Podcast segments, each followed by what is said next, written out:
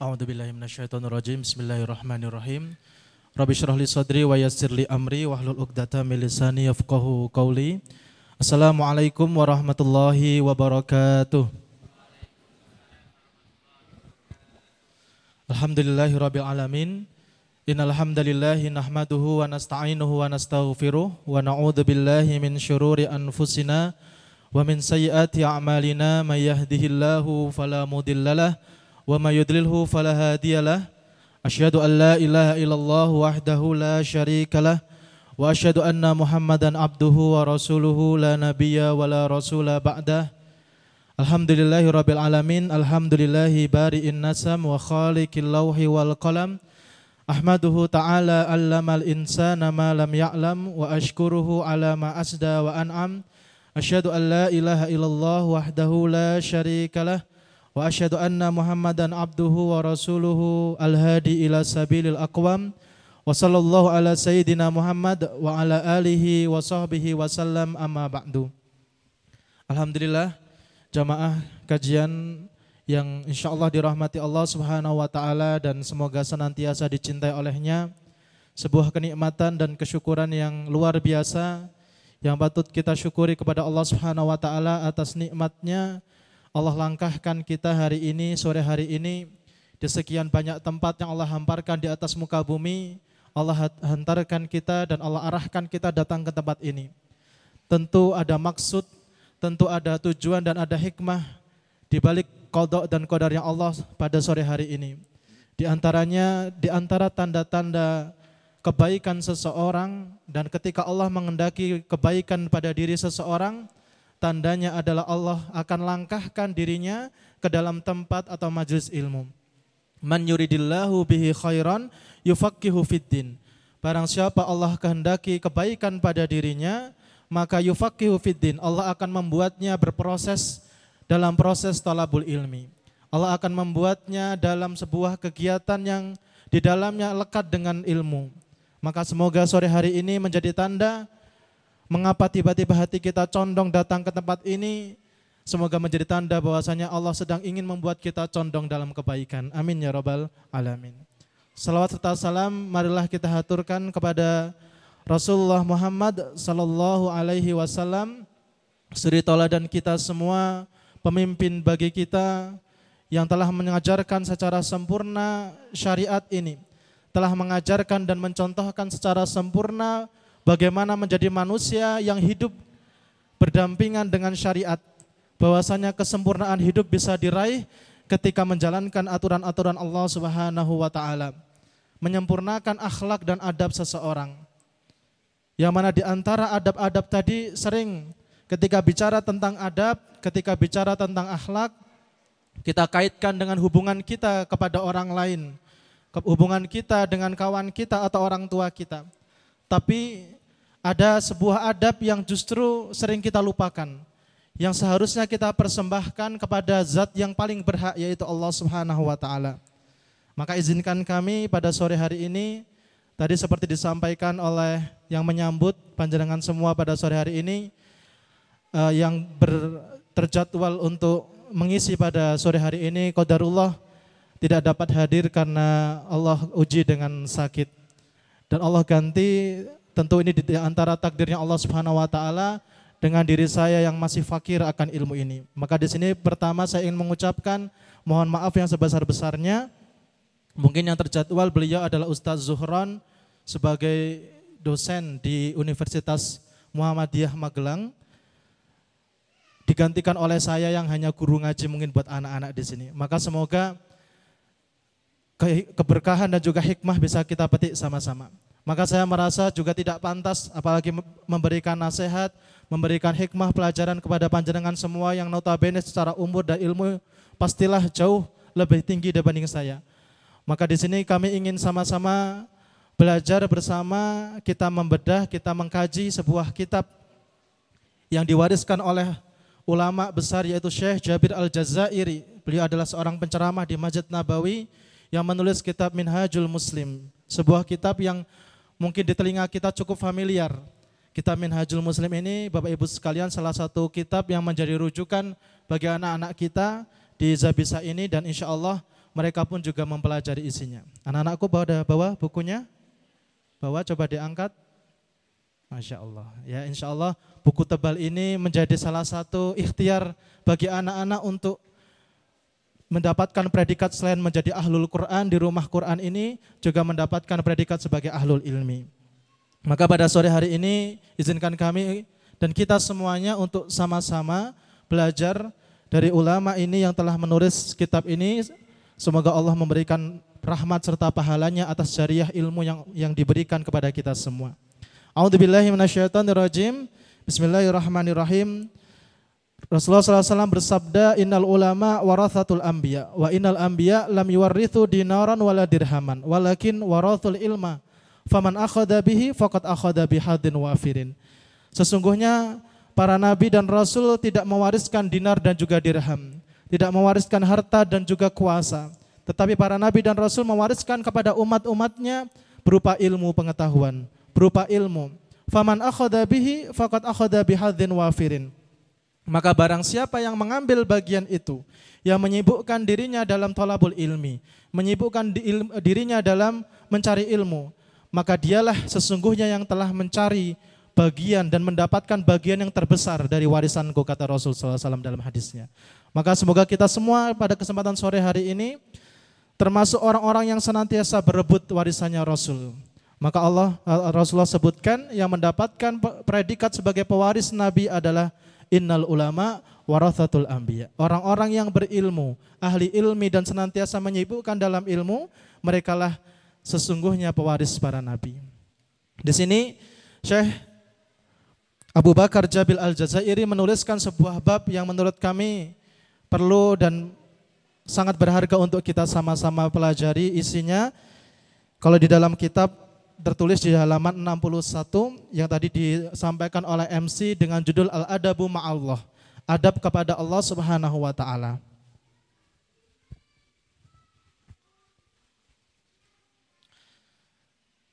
Jamaah kajian rahimakumullah. Mengapa kemudian adab kepada Allah Subhanahu wa taala menjadi suatu hal yang penting bagi kita? Karena kembali ke awal tadi bahwasanya ketika kita bicara tentang adab atau akhlak, kita begitu memperhatikan sikap kita, sopan santun kita, tata krama kita ketika berhadapan dengan orang lain. Tapi sering kali ketika kita berhadapan dengan Allah Subhanahu wa taala, kita tidak memperhatikan adab-adab kita kepada Allah. Padahal ketika dipertanyakan siapakah yang paling berhak untuk mendapatkan adab kita? Siapakah yang paling berhak untuk kemudian mendapatkan perlakuan baik kita? Tentu zat yang paling berhak adalah Allah Subhanahu wa taala. Maka di sini Sebelum menyampaikan tentang adab, bahkan adab kepada orang tua, adab kepada anak dan istri, adab bahkan adab kepada Rasul. Jauh sebelum itu, Syekh Abu Bakar Jabil Al-Jazairi menuliskan adab yang paling utama adalah adab kepada Allah Subhanahu wa taala. Di antara adab-adabnya adalah al-muslimu yang duru ila malillahi taala alaihi min minanin la Kita sebagai seorang mukmin muslim meyakini dan mengetahui bahasanya nikmat Allah Subhanahu wa taala kepada kita amatlah banyak. La tuhsa tidak tidak dapat dihitung jumlahnya. Wala tuaddu dan tidak terbilang banyaknya. Min saati ulukihi nutfatan fi rahimi ummihi. Yang kita dapatkan nikmat itu sejak kita bahkan masih berupa janin di dalam rahim ibu-ibu kita. Ketika kita belum dilahirkan ke dunia ini, Allah sudah berikan sekian banyak nikmat kepada orang atau janin tersebut sampai ketika kita yalqa rabbahu sampai kita kelak bertemu dengan Allah Subhanahu wa taala. Betapa nikmat yang Allah berikan kepada kita sangatlah banyak. Seperti tadi disampaikan sore hari ini saja kita rasakan nikmat badan kita, nikmat pendengaran dan penglihatan kita. Itu baru satu waktu, baru dalam diri kita, belum dalam keluarga kita, anak kita, keturunan kita dan lain sebagainya. Maka apakah adab seorang muslim yang meyakini dan mengetahui hal itu? Fayashkurullaha ta'ala alaiha bilisanihi wa bihamdihi wa alaihi. Maka adab seorang muslim ketika mengetahui nikmat Allah Subhanahu wa taala amatlah banyak pada dirinya, adabnya adalah yashkuru ilaihi. Dia bersyukur kepada Allah Subhanahu wa taala dengan cara apa? Yaitu dengan bihamdihi wa thana alaihi bilisanihi. Dengan mengucapkan kalimat tahmid, memuji Allah Subhanahu wa taala dengan lisannya Kemudian bijawarihi wa taskhiriha fi dan dia dengan anggota badannya mentaatinya. Jadi dengan lisannya memuji Allah Subhanahu wa taala, dengan badan anggota tubuhnya yang sudah diberikan berupa nikmat dari Allah digunakan untuk mentaati Allah Subhanahu wa taala. Fayakunu hadza adaban minhu Allah.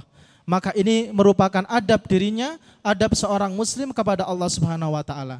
Jadi kita bersyukur kepada Allah itu adalah bentuk kita beradab kepada Allah. Mengapa kita bersyukur kepada Allah? Karena kita tahu nikmat Allah kepada diri kita sangatlah banyak. Allah berikan bahkan sebelum kita lahir ke dunia sampai kelak nanti kita akan dan mengharap bertemu Allah Subhanahu wa taala. Itlaisa minal adab maka tidak termasuk orang beradab fi syai'in kufranin ni'am terhadap sesuatu yang berupa mengkufuri nikmat Allah Subhanahu wa taala wajuhudi fadlil mun'im dan mengingkari bahwasanya yang memberikan nikmat ini adalah Allah Subhanahu wa taala. Maka ketika kita merasa harta kita adalah hasil keringat kita sendiri, ketika kita merasa anak kita yang pandai adalah hasil kita yang pandai mendidik anak, tanpa ada campur tangan Allah Subhanahu wa taala, justru itu bentuk seorang yang tidak beradab kepada Allah Subhanahu wa taala. Karena sesungguhnya Allah berfirman, "Wa ma bikum min ni'matin faminallah." Dan apa pun yang ada dalam dirimu dari nikmat-nikmat adalah nikmat pemberian Allah Subhanahu wa taala. Wa in ta'utu nikmatallahi la tuhsuha. Dan andaikan kamu ingin menghitung nikmat Allah Subhanahu wa taala, la tuhsuha, maka niscaya kamu tidak akan mampu menghitungnya. Fadkuruni adzkurkum washkuruli wala takfurun. Ingatlah aku maka aku akan mengingatmu. Washkuruli dan bersyukurlah kepadaku wala takfurun dan janganlah engkau mengkufuri nikmatku. Ini dalil Al-Quran, ayat-ayat Al-Quran yang memerintahkan kita untuk senantiasa bersyukur kepada Allah, mengingat bahwasanya setiap anugerah yang ada dalam diri kita adalah pemberian dari Allah Subhanahu wa taala. Itu Bapak Ibu adab yang pertama kita kepada Allah adalah kita bersyukur kepada Allah Subhanahu wa taala. Maka semoga kita dijauhkan dari sifat yang tidak beradab. Kita saja kadang jengkel kepada orang lain ketika kita beri sesuatu Jangankan tersenyum atau mengucapkan terima kasih, itu saja kita sudah kadang kesal. Ketika kita beri dia tidak mengucapkan terima kasih atau kemudian tidak ada tunduk penghormatan, apalagi Allah Subhanahu wa taala yang pemberiannya amatlah banyak kepada diri kita. Maka dua cara tadi lisan kita yang mengucapkan alhamdulillah dan badan kita yang kita gunakan untuk mentaati Allah Subhanahu wa taala. Kemudian yang kedua, wayang durul muslim ila ilmihi ta'ala Seorang muslim melihat dan meyakini bahwasanya ilmu ilmihi ta'ala, ilmunya Allah subhanahu wa ta'ala, wattilaihi dan juga penglihatannya Allah subhanahu wa ta'ala, ala jami'i ahwalihi, meliputi segala sesuatu dalam dirinya. Maka seorang muslim, seorang mukmin meyakini dan mengetahui bahwasanya pengetahuannya Allah, penglihatannya Allah itu meliputi segala sesuatu di dalam dirinya. Baik dalam keadaan ramai ataupun sepi, dalam keadaan terang ataupun gelap, dikala sendiri maupun bersama-sama. Seorang muslim yang baik yang benar adalah dia yang yakin bahwasanya ilmunya Allah meliputi segala sesuatu dalam dirinya. Maka fayam tali qalbahu mahabatan nafsahu. Hatinya dipenuhi dengan rasa takut kepada Allah. Karena dia yakin Allah melihat segala perbuatannya. Fayakhjalu min maksiatihi. Maka apa adabnya? Ketika kita tahu Allah itu senantiasa melihat kita, fayah jalumin maksiatihi. Kita malu untuk bermaksiat kepada Allah. Jangankan Allah Subhanahu wa taala, misalkan kita tahu ada sebuah ruangan di situ kemudian ditertulis ruangan ini terpantau CCTV 24 jam. Itu kita mau berbuat yang aneh-aneh saja kadang, nah nanti kalau kelihatan gimana? Nanti kalau ternyata terekam bagaimana? Ini kita yakin bahwasanya Allah Subhanahu wa taala 24 jam setiap detik, menit itu senantiasa mengawasi diri kita. Bahkan di ruangan yang tertutup sekalipun, dikala kita sendiri dan sepi. Dan kita introspeksi bersama kita kita tahu diri kita ini tentu banyak lebih banyak maksiatnya ketika sendiri dibandingkan ketika ramai. Kalau ditanyakan pada diri kita, kalau misalkan dalam keadaan sendiri kita lebih banyak taat atau lebih banyak maksiat kira-kira. Naudzubillah ternyata diri kita masih sering tidak malu untuk bermaksiat kepada Allah maka sesungguhnya itu adalah bentuk tidak beradabnya kita kepada Allah Subhanahu wa taala. Wa yastahyi min mukhalafatihi dan dia malu, dia segan untuk mengingkari Allah Subhanahu wa taala wal khuruj an taatihi fayakunu hadza adaban minhu ma'allah. Maka ini adalah bentuk adab seseorang muslim kepada Allah Subhanahu wa taala. Ketika dia yakin, dia tahu bahwasanya Allah mengawasi dirinya, Allah melihat dirinya, maka adab seorang muslim adalah kemudian malu, dia segan untuk bermaksiat kepada Allah Subhanahu wa taala. It laisa minal adab fi syai'in ayyuhajirul abda sayyidahu bil ma'asi. Maka tidak termasuk beradab ketika seorang hamba mempertontonkan kemaksiatan kepada tuannya. Tidak termasuk beradab ketika seorang manusia mempersembahkan keburukan dan kemaksiatan kepada Robnya, penciptanya. Sesungguhnya Allah Subhanahu wa taala berfirman, "Wallahu ya'lamu ma tusirruna wa ma tu'linun." Sesungguhnya Allah mengetahui apa yang kalian sembunyikan dan apa yang kalian lakukan dengan terang-terangan. Wa ma takunu fi sya'nin wa ma tatlu minhu min Qur'anin wa la ta'maluna min amalin illa kunna 'alaikum syuhudan.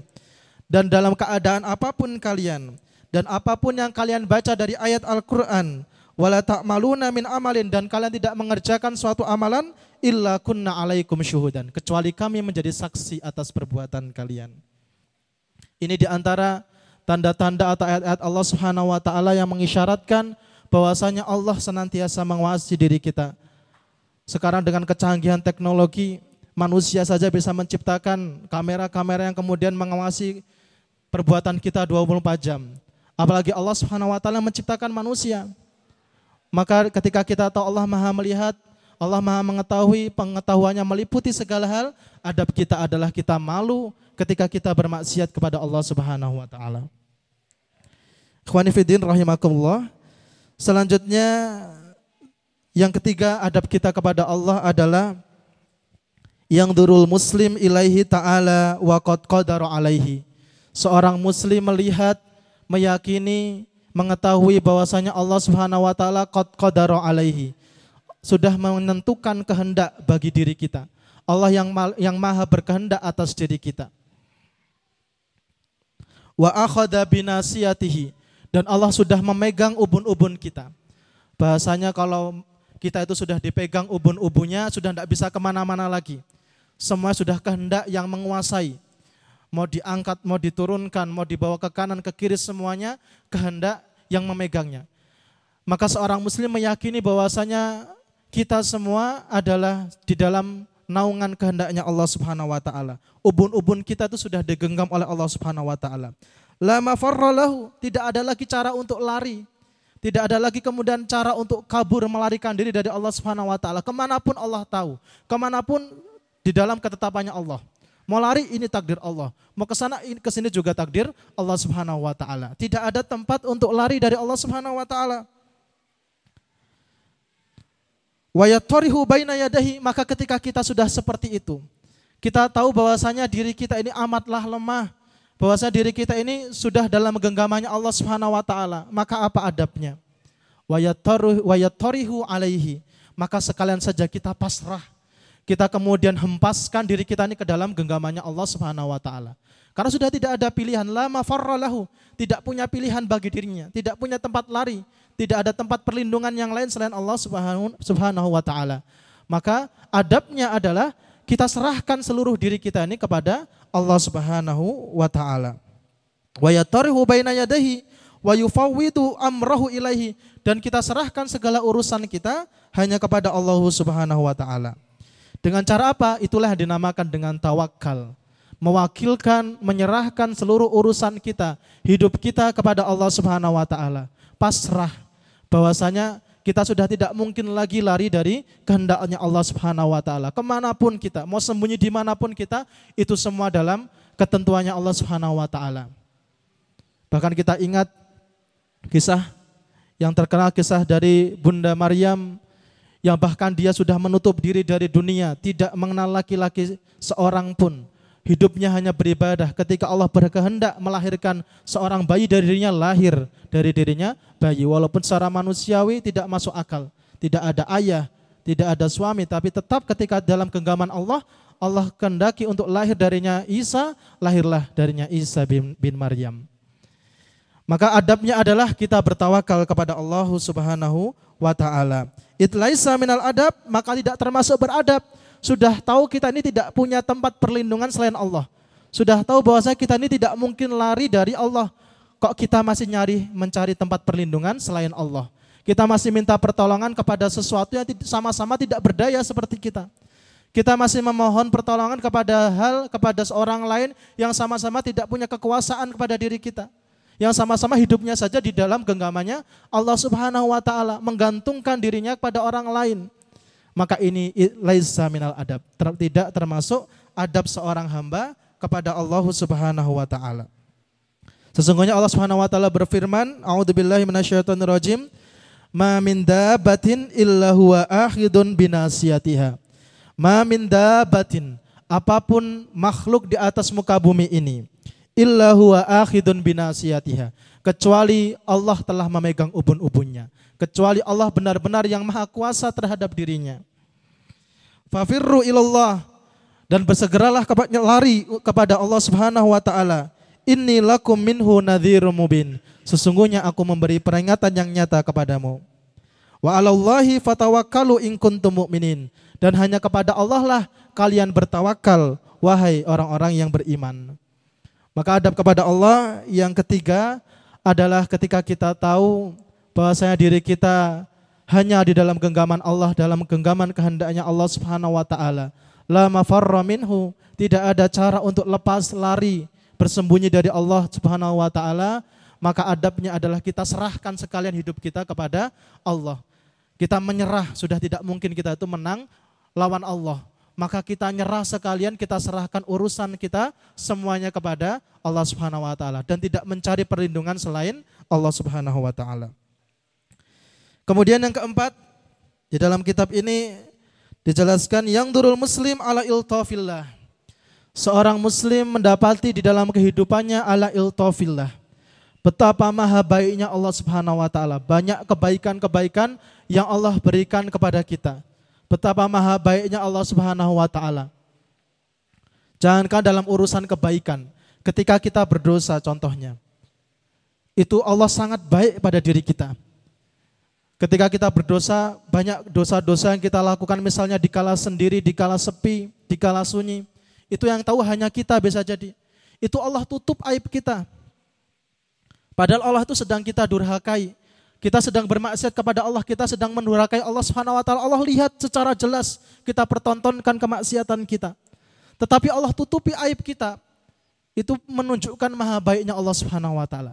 Bukan hanya ditutup aib kita, ternyata diberikan kesempatan untuk bertaubat. Wasari'u ila maghfiratin min rabbikum.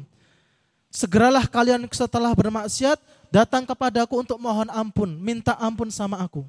Bayangkan, sudah kita durhakai Allah Subhanahu wa taala, masih dikasih kesempatan untuk bertaubat. Dan itu perintah, bukan cuman kamu kalau mau bertobat, saya maafkan. Bukan kalau mau, tapi wasari'u ila maghfiratin. Cepat kamu datang kepadaku untuk mohon ampun. Artinya Allah sudah tidak sabar mengampuni diri kita. Justru Allah yang menunggu-nunggu kita untuk mohon ampun. Sudah kita durhakai, ditutup aib kita, dan Allah akan mengampuni kita. Dan ketika Allah perintahkan, pastilah Allah berikan ampunan itu. Sampai situ saja sudah maha baiknya Allah Subhanahu wa taala. Ternyata belum sampai situ kebaikan Allah Subhanahu wa taala. Sudah ditutupi aibnya, diampuni dosanya, Allah tidak langsung timpakan azab kepada kita. Salah satu keistimewaan umatnya Nabi Muhammad SAW adalah ketika bermaksiat tidak langsung diberikan azab. Beda dengan umat-umat terdahulu. Umat-umat nabi-nabi yang lain satu kali maksiat langsung Allah turunkan azab. Umatnya Nabi Lut langsung Allah balik buminya. Umatnya Nabi Nuh langsung Allah tenggelamkan dengan banjir bandang. Tapi umatnya Nabi Muhammad masih diberikan kesempatan untuk bertaubat kepada Allah. Dan tentu ketika Allah yang perintahkan untuk bertaubat, tentu yang namanya ampunan pastilah akan datang. Ternyata belum bukan hanya sampai situ kebaikan Allah. Wa jannatin arduhas samawati wal ard uiddat lil muttaqin. Dan surga telah aku siapkan sudah Allah ampuni dosa kita, dimasukkan ke surga lagi. Masya Allah. Ini bukan orang yang beramal soleh. Ini orang yang tadi ahli maksiat. Ditutupi maksiatnya, ditutupi aibnya, ditunggu untuk mohon ampun, ditahan azabnya, sudah diampuni dosanya, dimasukkan ke surga.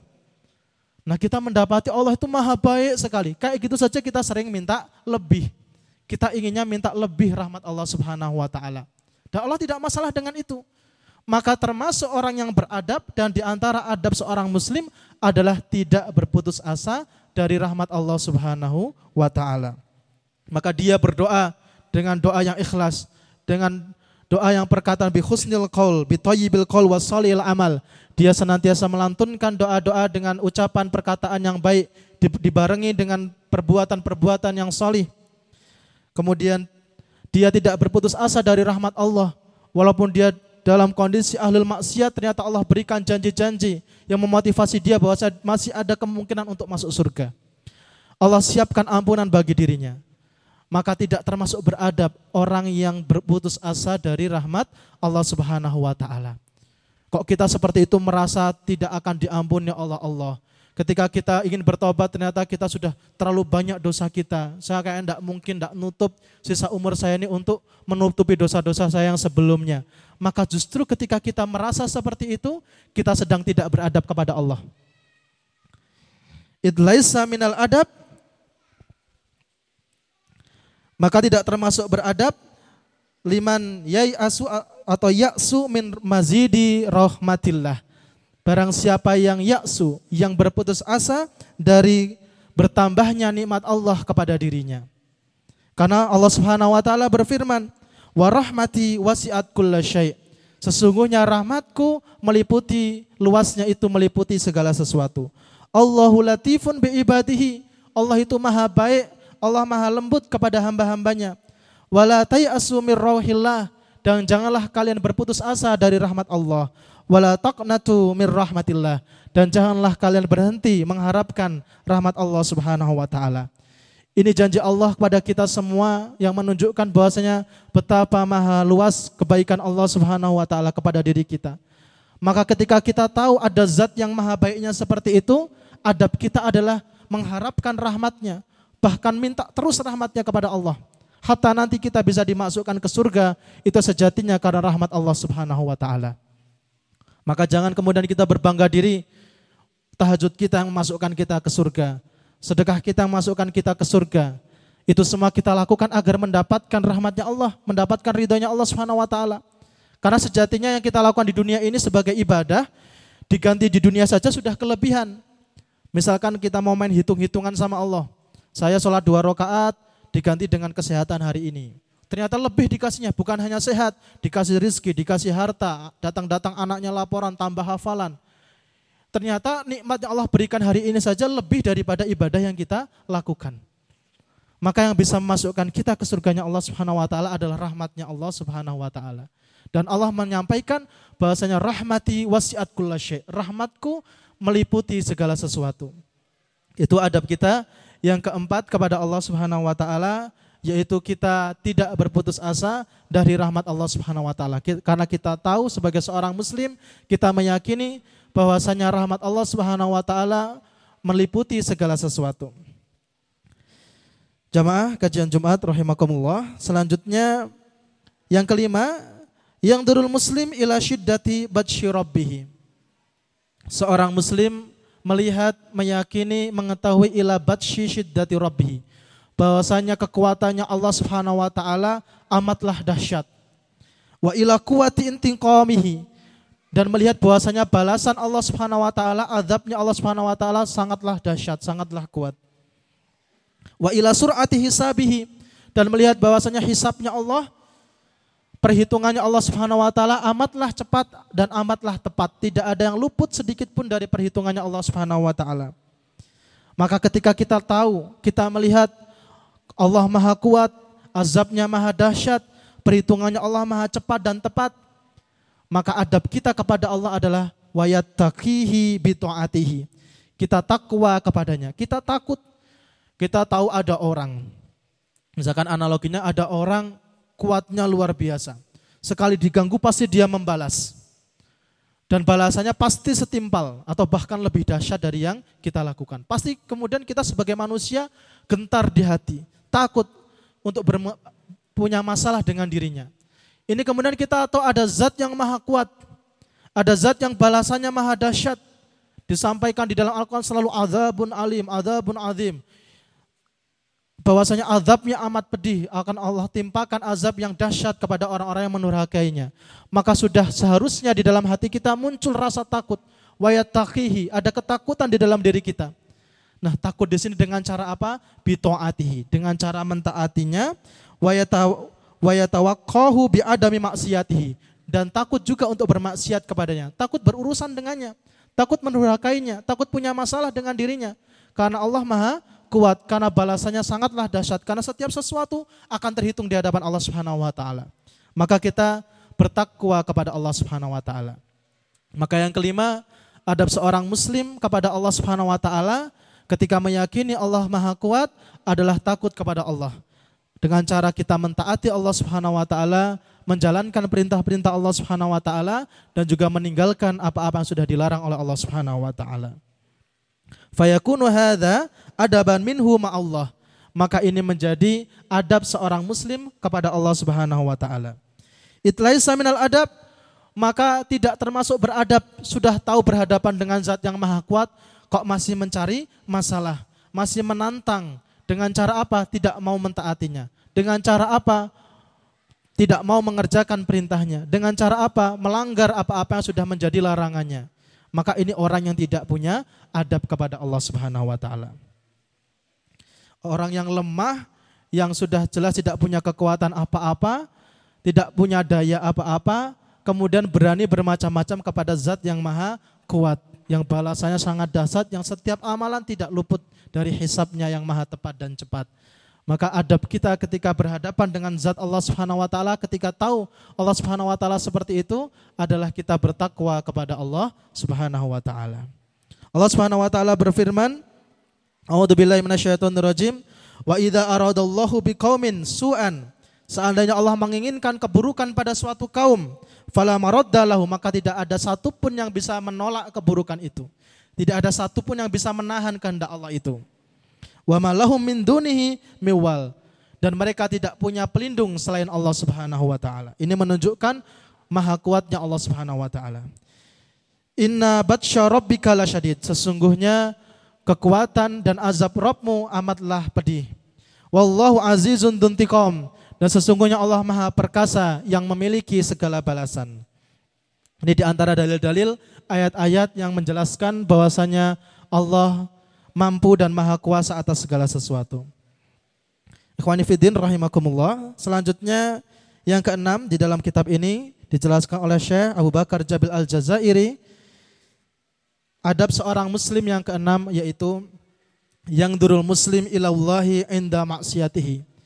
Seorang muslim ketika dirinya bermaksiat melihat bahwasanya ka'anna wa'idahu qatana walahu bahwasanya dirinya sudah seakan-akan mendapatkan ancaman Allah Subhanahu wa taala. Wa'id, anak-anakku itu artinya apa? Ancaman. Jadi ada dalam bahasa Arab kalimat wa'dun dan wa'id. Dalam satu kata akar yang sama, wa'ada tapi artinya berbeda. Kalau wa'ada itu janji yang baik, nanti kamu kalau nyata janji akan dapat hadiah, itu namanya wa'dun. Tapi kalau janji yang buruk, nanti kalau kamu ngantuk akan dapat hukuman. Nah, itu namanya wa'id atau ancaman. Nah, ketika kita bermaksiat kepada Allah, seakan-akan ancaman Allah itu sudah kita rasakan. Ketika kita bermaksiat kepada Allah, hati kita rasanya sempit. Tiba-tiba kesulitan banyak yang datang. Ketika kita melakukan kemaksiatan kepada Allah, tiba-tiba urusan kita serba rumit. Tiba-tiba di pandangan manusia kita serba salah. Kita tidak nyaman kemudian menjalani kehidupan itu. Seakan-akan azab Allah sudah turun kepada kita. Dan begitu pula sebaliknya. Ketika kita kama yang dulu ilahi ta'ala inda ta'atihi. Ketika kita mentaati Allah subhanahu wa ta'ala. Wa itibai syariatihi dan mengikuti syariatnya ka'anna wa'dahu. Seakan-akan wa'dunnya tadi. Seakan-akan janji baiknya Allah. Sudah kita rasakan juga. Ketika kita beribadah kepada Allah, hati kita tiba-tiba tenang. Urusan kita tiba-tiba semuanya Allah mudahkan. Tiba-tiba Allah datangkan rezeki dari jalan yang enggak, tidak disangka-sangka. Tiba-tiba dapat kabar baik dari anak kita. Tiba-tiba dagangan kita laris ketika kita beribadah dan berbuat taat kepada Allah. Seakan-akan janji Allah itu sudah kita rasakan. Ketika kita bermaksiat seakan-akan ancaman Allah sudah kita rasakan dan ketika kita berbuat taat seakan-akan janji Allah sudah kita rasakan pula. Maka apakah adab kita kepada Allah Subhanahu wa taala ketika kita tahu seperti itu? Adab kita adalah berhusnudon kepada Allah. Maka fayakunu eh, ka'anna halal ridallah qad khala'alaha fayakunu hadha minal muslim husnadhanni billah. Maka seorang muslim seharusnya berhusnudon kepada Allah bahwasanya setiap janji Allah pasti akan kita dapatkan dan setiap ancaman Allah pasti akan diturunkan. Maka tidak termasuk beradab seorang yang kemudian bermaksiat merasa ah pasti tidak ketahuan. Ah kayaknya aman-aman saja tidak dapat hukuman. Saya maksiat kok hidup saya lancar-lancar aja. Saya maksiat kok bisnis saya lancar-lancar aja. Kok hidup saya tenang-tenang aja. Merasa oh ini Allah nggak lihat. Pasti tidak ada adabnya. Berarti dia bersuudon kepada Allah. Berarti Allah tidak lihat amalan saya. Atau kebalikannya, ketika kita berbuat taat kepada Allah, kita merasa jangan-jangan tidak diterima oleh Allah. Jangan-jangan Allah tidak memberikan pahala atas amalan saya. Kita bersuudon bahwa Allah tidak menerima amalan kita. Maka itu tidak termasuk orang muslim yang beradab. It laisa minal adab an yusi al mar'u billah. Maka tidak termasuk beradab orang yang bermaksiat kepada Allah wa yakhruju an taatihi dan keluar dari ketaatan kepadanya wa yadhunnu annahu ghairu alaihi dan dia merasa tidak dilihat Allah. Wala muakhidin lahu ala dhanbi dan dia tidak akan dihukum atas dosanya. Maka itu sesungguhnya perbuatan yang tidak beradab kepada Allah Subhanahu wa taala. Karena sesungguhnya Allah Subhanahu wa taala berfirman, "Walakin donantum annallaha la ya'lamu katsiran mimma ta'malun." Allah sudah prediksikan akan terjadi seperti ini. Di dalam Al-Qur'an Allah berfirman, "Kebanyakan kalian mengira anallah la ya'lamu katsiran mimma ta'malun." Allah tidak mengetahui kebanyakan atas apa yang kamu lakukan. Wadzalikum dhannukum alladzi dhanantum birabbikum. Dan itulah perasaan kamu terhadap Rabbmu. Ardakum. Itulah yang kelak akan membinasakanmu. Jadi perasaan kita, prasangka kita bahwasanya dosa-dosa kita tidak mungkin diadab sehingga kita terus berkelanjutan dalam kemaksiatan kita itulah sesungguhnya yang membinasakan diri kita. Fa asbahtu minal khasirin. Maka kalian termasuk orang-orang yang rugi. Kama annahu laisa minal adab Begitu pula tidak termasuk orang yang beradab ayat takihul mar'u orang yang sudah bertakwa kepada Allah wa yuti'uhu dan mentaatinya wa yadhunnu annahu ghairu mujazihi dan dia merasa tidak dibalas perbuatan baiknya, tidak dilihat, tidak diberikan pahala atas perbuatan baiknya. Walahu wa qabilun minhu, dia merasa tidak diterima amalannya. Maka ini tidak termasuk perbuatan yang beradab karena seudon kepada Allah. Jadi seorang muslim yang beradab kepada Allah adalah yang dia senantiasa berhusnudon. Ketika beribadah dia merasa amalannya diterima. Ketika dia beribadah dia merasa akan ada balasan dari kebaikannya. Dan ketika dia bermaksiat dia takut karena akan mendapatkan adab dari Allah Subhanahu wa taala. Allah Subhanahu wa taala berfirman, "Wa man yuti'illaha wa rasulahu wa yakhshallaha wa yattaqihi faulaika humul faizun." Dan barang siapa yang yuti'illah, mentaati Allah wa rasulahu dan rasulnya wa yahsyallah dan takut kepada Allah wa yattaqihi dan juga takwa kepadanya faulaika humul faizun. Mereka itulah orang-orang yang menang. Man jaa bil hasanati falahu asyru amthaliha. Barang siapa yang mengerjakan kebaikan, maka baginya asyru amthaliha, sepuluh kali lipat balasannya. Wa man jaa bis sayyiati dan barang siapa mengerjakan keburukan, fala yujza illa mithlaha. Tidak dibalas melainkan setimpal dengannya. Jadi kalau kita berbuat baik, janji Allah diberikan balasan 10 kali lipat, tetapi ketika kita berbuat buruk, balasannya sama, setimpal illa mithla dengan perbuatan yang kita lakukan. Wahum layud lamun dan kita tidak dirugikan sedikit pun dari amalan kita. Ini Allah yang menerangkan, Allah yang memberikan janji. Lantas kalau kita tidak percaya dengan janji Allah, kepada janji siapa lagi kita ingin mempercayainya. Maka di sini Syekh Jabil, Abu Bakar Jabil Al-Jazairi menerangkan dan memberikan hikmah kepada kita bahwasanya di antara adab seorang muslim kepada Allah Subhanahu wa taala, beliau tuliskan ada enam hal di sini. Yang pertama adalah bersyukur kepada Allah ketika kita tahu bahwasanya Allah sudah memberikan banyak nikmat kepada kita. Selanjutnya ketika kita tahu bahwasanya ilmunya Allah Maha meliputi segala sesuatu, kita malu untuk bermaksiat kepada Allah. Kemudian yang ketiga, Ketika kita meyakini bahwasanya Allah sudah menggenggam kita, bahasa kita ubun-ubun kita sudah dalam genggaman kehendak Allah Subhanahu wa taala, maka kita pasrah, kita tawakal kepada Allah Subhanahu wa taala. Kemudian yang keempat, ketika kita tahu bahwasanya Allah Maha baik, Allah Maha memberikan rahmatnya dan kita senantiasa ingin menambah ingin mendapatkan tambahan dari rahmat Allah itu, maka kita tidak berputus asa dari rahmat Allah. Kemudian yang kelima, ketika kita tahu bahwasanya Allah Maha kuat, azabnya maha dahsyat, hisabnya maha cepat dan tepat, maka kita bertakwa, takut kepada Allah dengan cara taat kepadanya dan juga meninggalkan larangan-larangannya. Dan yang terakhir disampaikan bahwasanya ketika kita bermaksiat merasakan sudah kita rasakan seakan-akan azab Allah itu dalam diri kita atau ketika kita berbuat taat sudah kita rasakan seakan-akan nikmat Allah itu sudah ada dalam diri kita, maka kita berhusnudon kepada Allah. Bahwasanya Allah pasti menepati janjinya. Setiap perbuatan buruk akan Allah berikan balasannya, setiap perbuatan baik Allah akan berikan ganjarannya.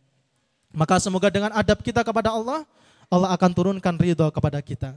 Maka kita semoga termasuk orang-orang yang berhak mendapatkan perlindungan Allah, berhak mendapatkan kasih sayang Allah Subhanahu wa taala. Dan inikah inilah yang menjadi impian tertinggi kita sebagai seorang muslim. Semoga Allah semua Allah senantiasa memampukan kita semua untuk senantiasa beradab kepada Allah Subhanahu wa taala. Karena sejatinya sebelum kita jauh membahas adab kita kepada orang lain atau bahkan kepada diri kita sendiri, sudah seharusnya kita beradab kepada zat yang menciptakan kita yaitu Allah Azza wa Jalla. Jamaah sekalian, ikhwan fillah rahimakumullah. Sepertinya mengingat waktu sudah ingin mencapai waktu maghrib, maka mungkin kami cukupkan sampai pembahasan ini. Dan Alhamdulillah sampai di akhir poin yang menjadi pembahasan pada sore hari ini yaitu tentang al-adabu ma'allah yang termaktub dalam kitab Minhajul Muslim yang ditulis oleh Syekh Abu Bakar Al-Jabir Al-Jazairi yang darinya kita sama-sama mengambil hikmah, kita belajar bersama-sama. Sekali lagi kami merasa tidak pantas untuk memberikan nasihat kami, maka kami mengambil dari kitab ulama Sohor yang merupakan seorang penceramah di Masjid Nabawi untuk sama-sama kita mengambil hikmah darinya dan kita berdoa semoga menjadi jariah ilmu bagi dirinya. Amin ya rabbal alamin. Dan di akhir sesi ini marilah kita berdoa bersama-sama di penutup hari yang utama dan mulia ini di hari Jumat sebuah waktu yang menjadi kesempatan kita untuk diijabah doa-doa kita dan semoga sore hari ini Allah senantiasa ridhoi kita. Amin ya rabbal alamin. A'udzubillahi minasyaitonirrajim. بسم الله الرحمن الرحيم حمد النائمين حمد الشاكرين حمد يوافي نعمه ويكافي مزيده يا ربنا لك الحمد كما ينبغي لجلال وجهك الكريم وعظيم سلطانك اللهم انت ربي لا اله الا انت خلقتني وأنا عبدك وأنا على عهدك وعدك ما استطعت اعوذ بك من شر ما صنعت ابوء لك بنعمتك علي وابوء بذنبي فاغفر لي فانه لا يغفر الذنوب الا انت Allahumma inna nas'aluka salamatan fid din wa afiatan fil jasadi wa ziyadatan fil ilmi wa barakatan fil wa taubatan qabla al maut wa rahmatan indal maut wa maghfiratan ba'dal maut. Allahumma hawin alaina fi sakaratil maut wan najata minan nar wal afwa indal hisab. Rabbana zalamna anfusana wa in lam taghfir lana wa tarhamna lanakunanna minal khasirin. Rabbana atina fid dunya hasanah wa fil akhirati hasanah wa qina adzaban nar Rabbana taqabbal minna salatana wa siyamana wa ruku'ana wa sujudana wa takhashu'ana wa ta'abbudana wa tamim taksirana ya Allah ya rabbal alamin Allahumma ikfina bihalalika an haramika wa aghnina bifadlika amman siwaka Rabbana hab lana min azwajina wa dhurriyyatina qurrata a'yun waj'alna lil muttaqina imama Rabbana atina fid dunya hasanah wa fil akhirati hasanah wa qina adzaban nar Subhana rabbika rabbil izzati amma yasifun wa salamun alal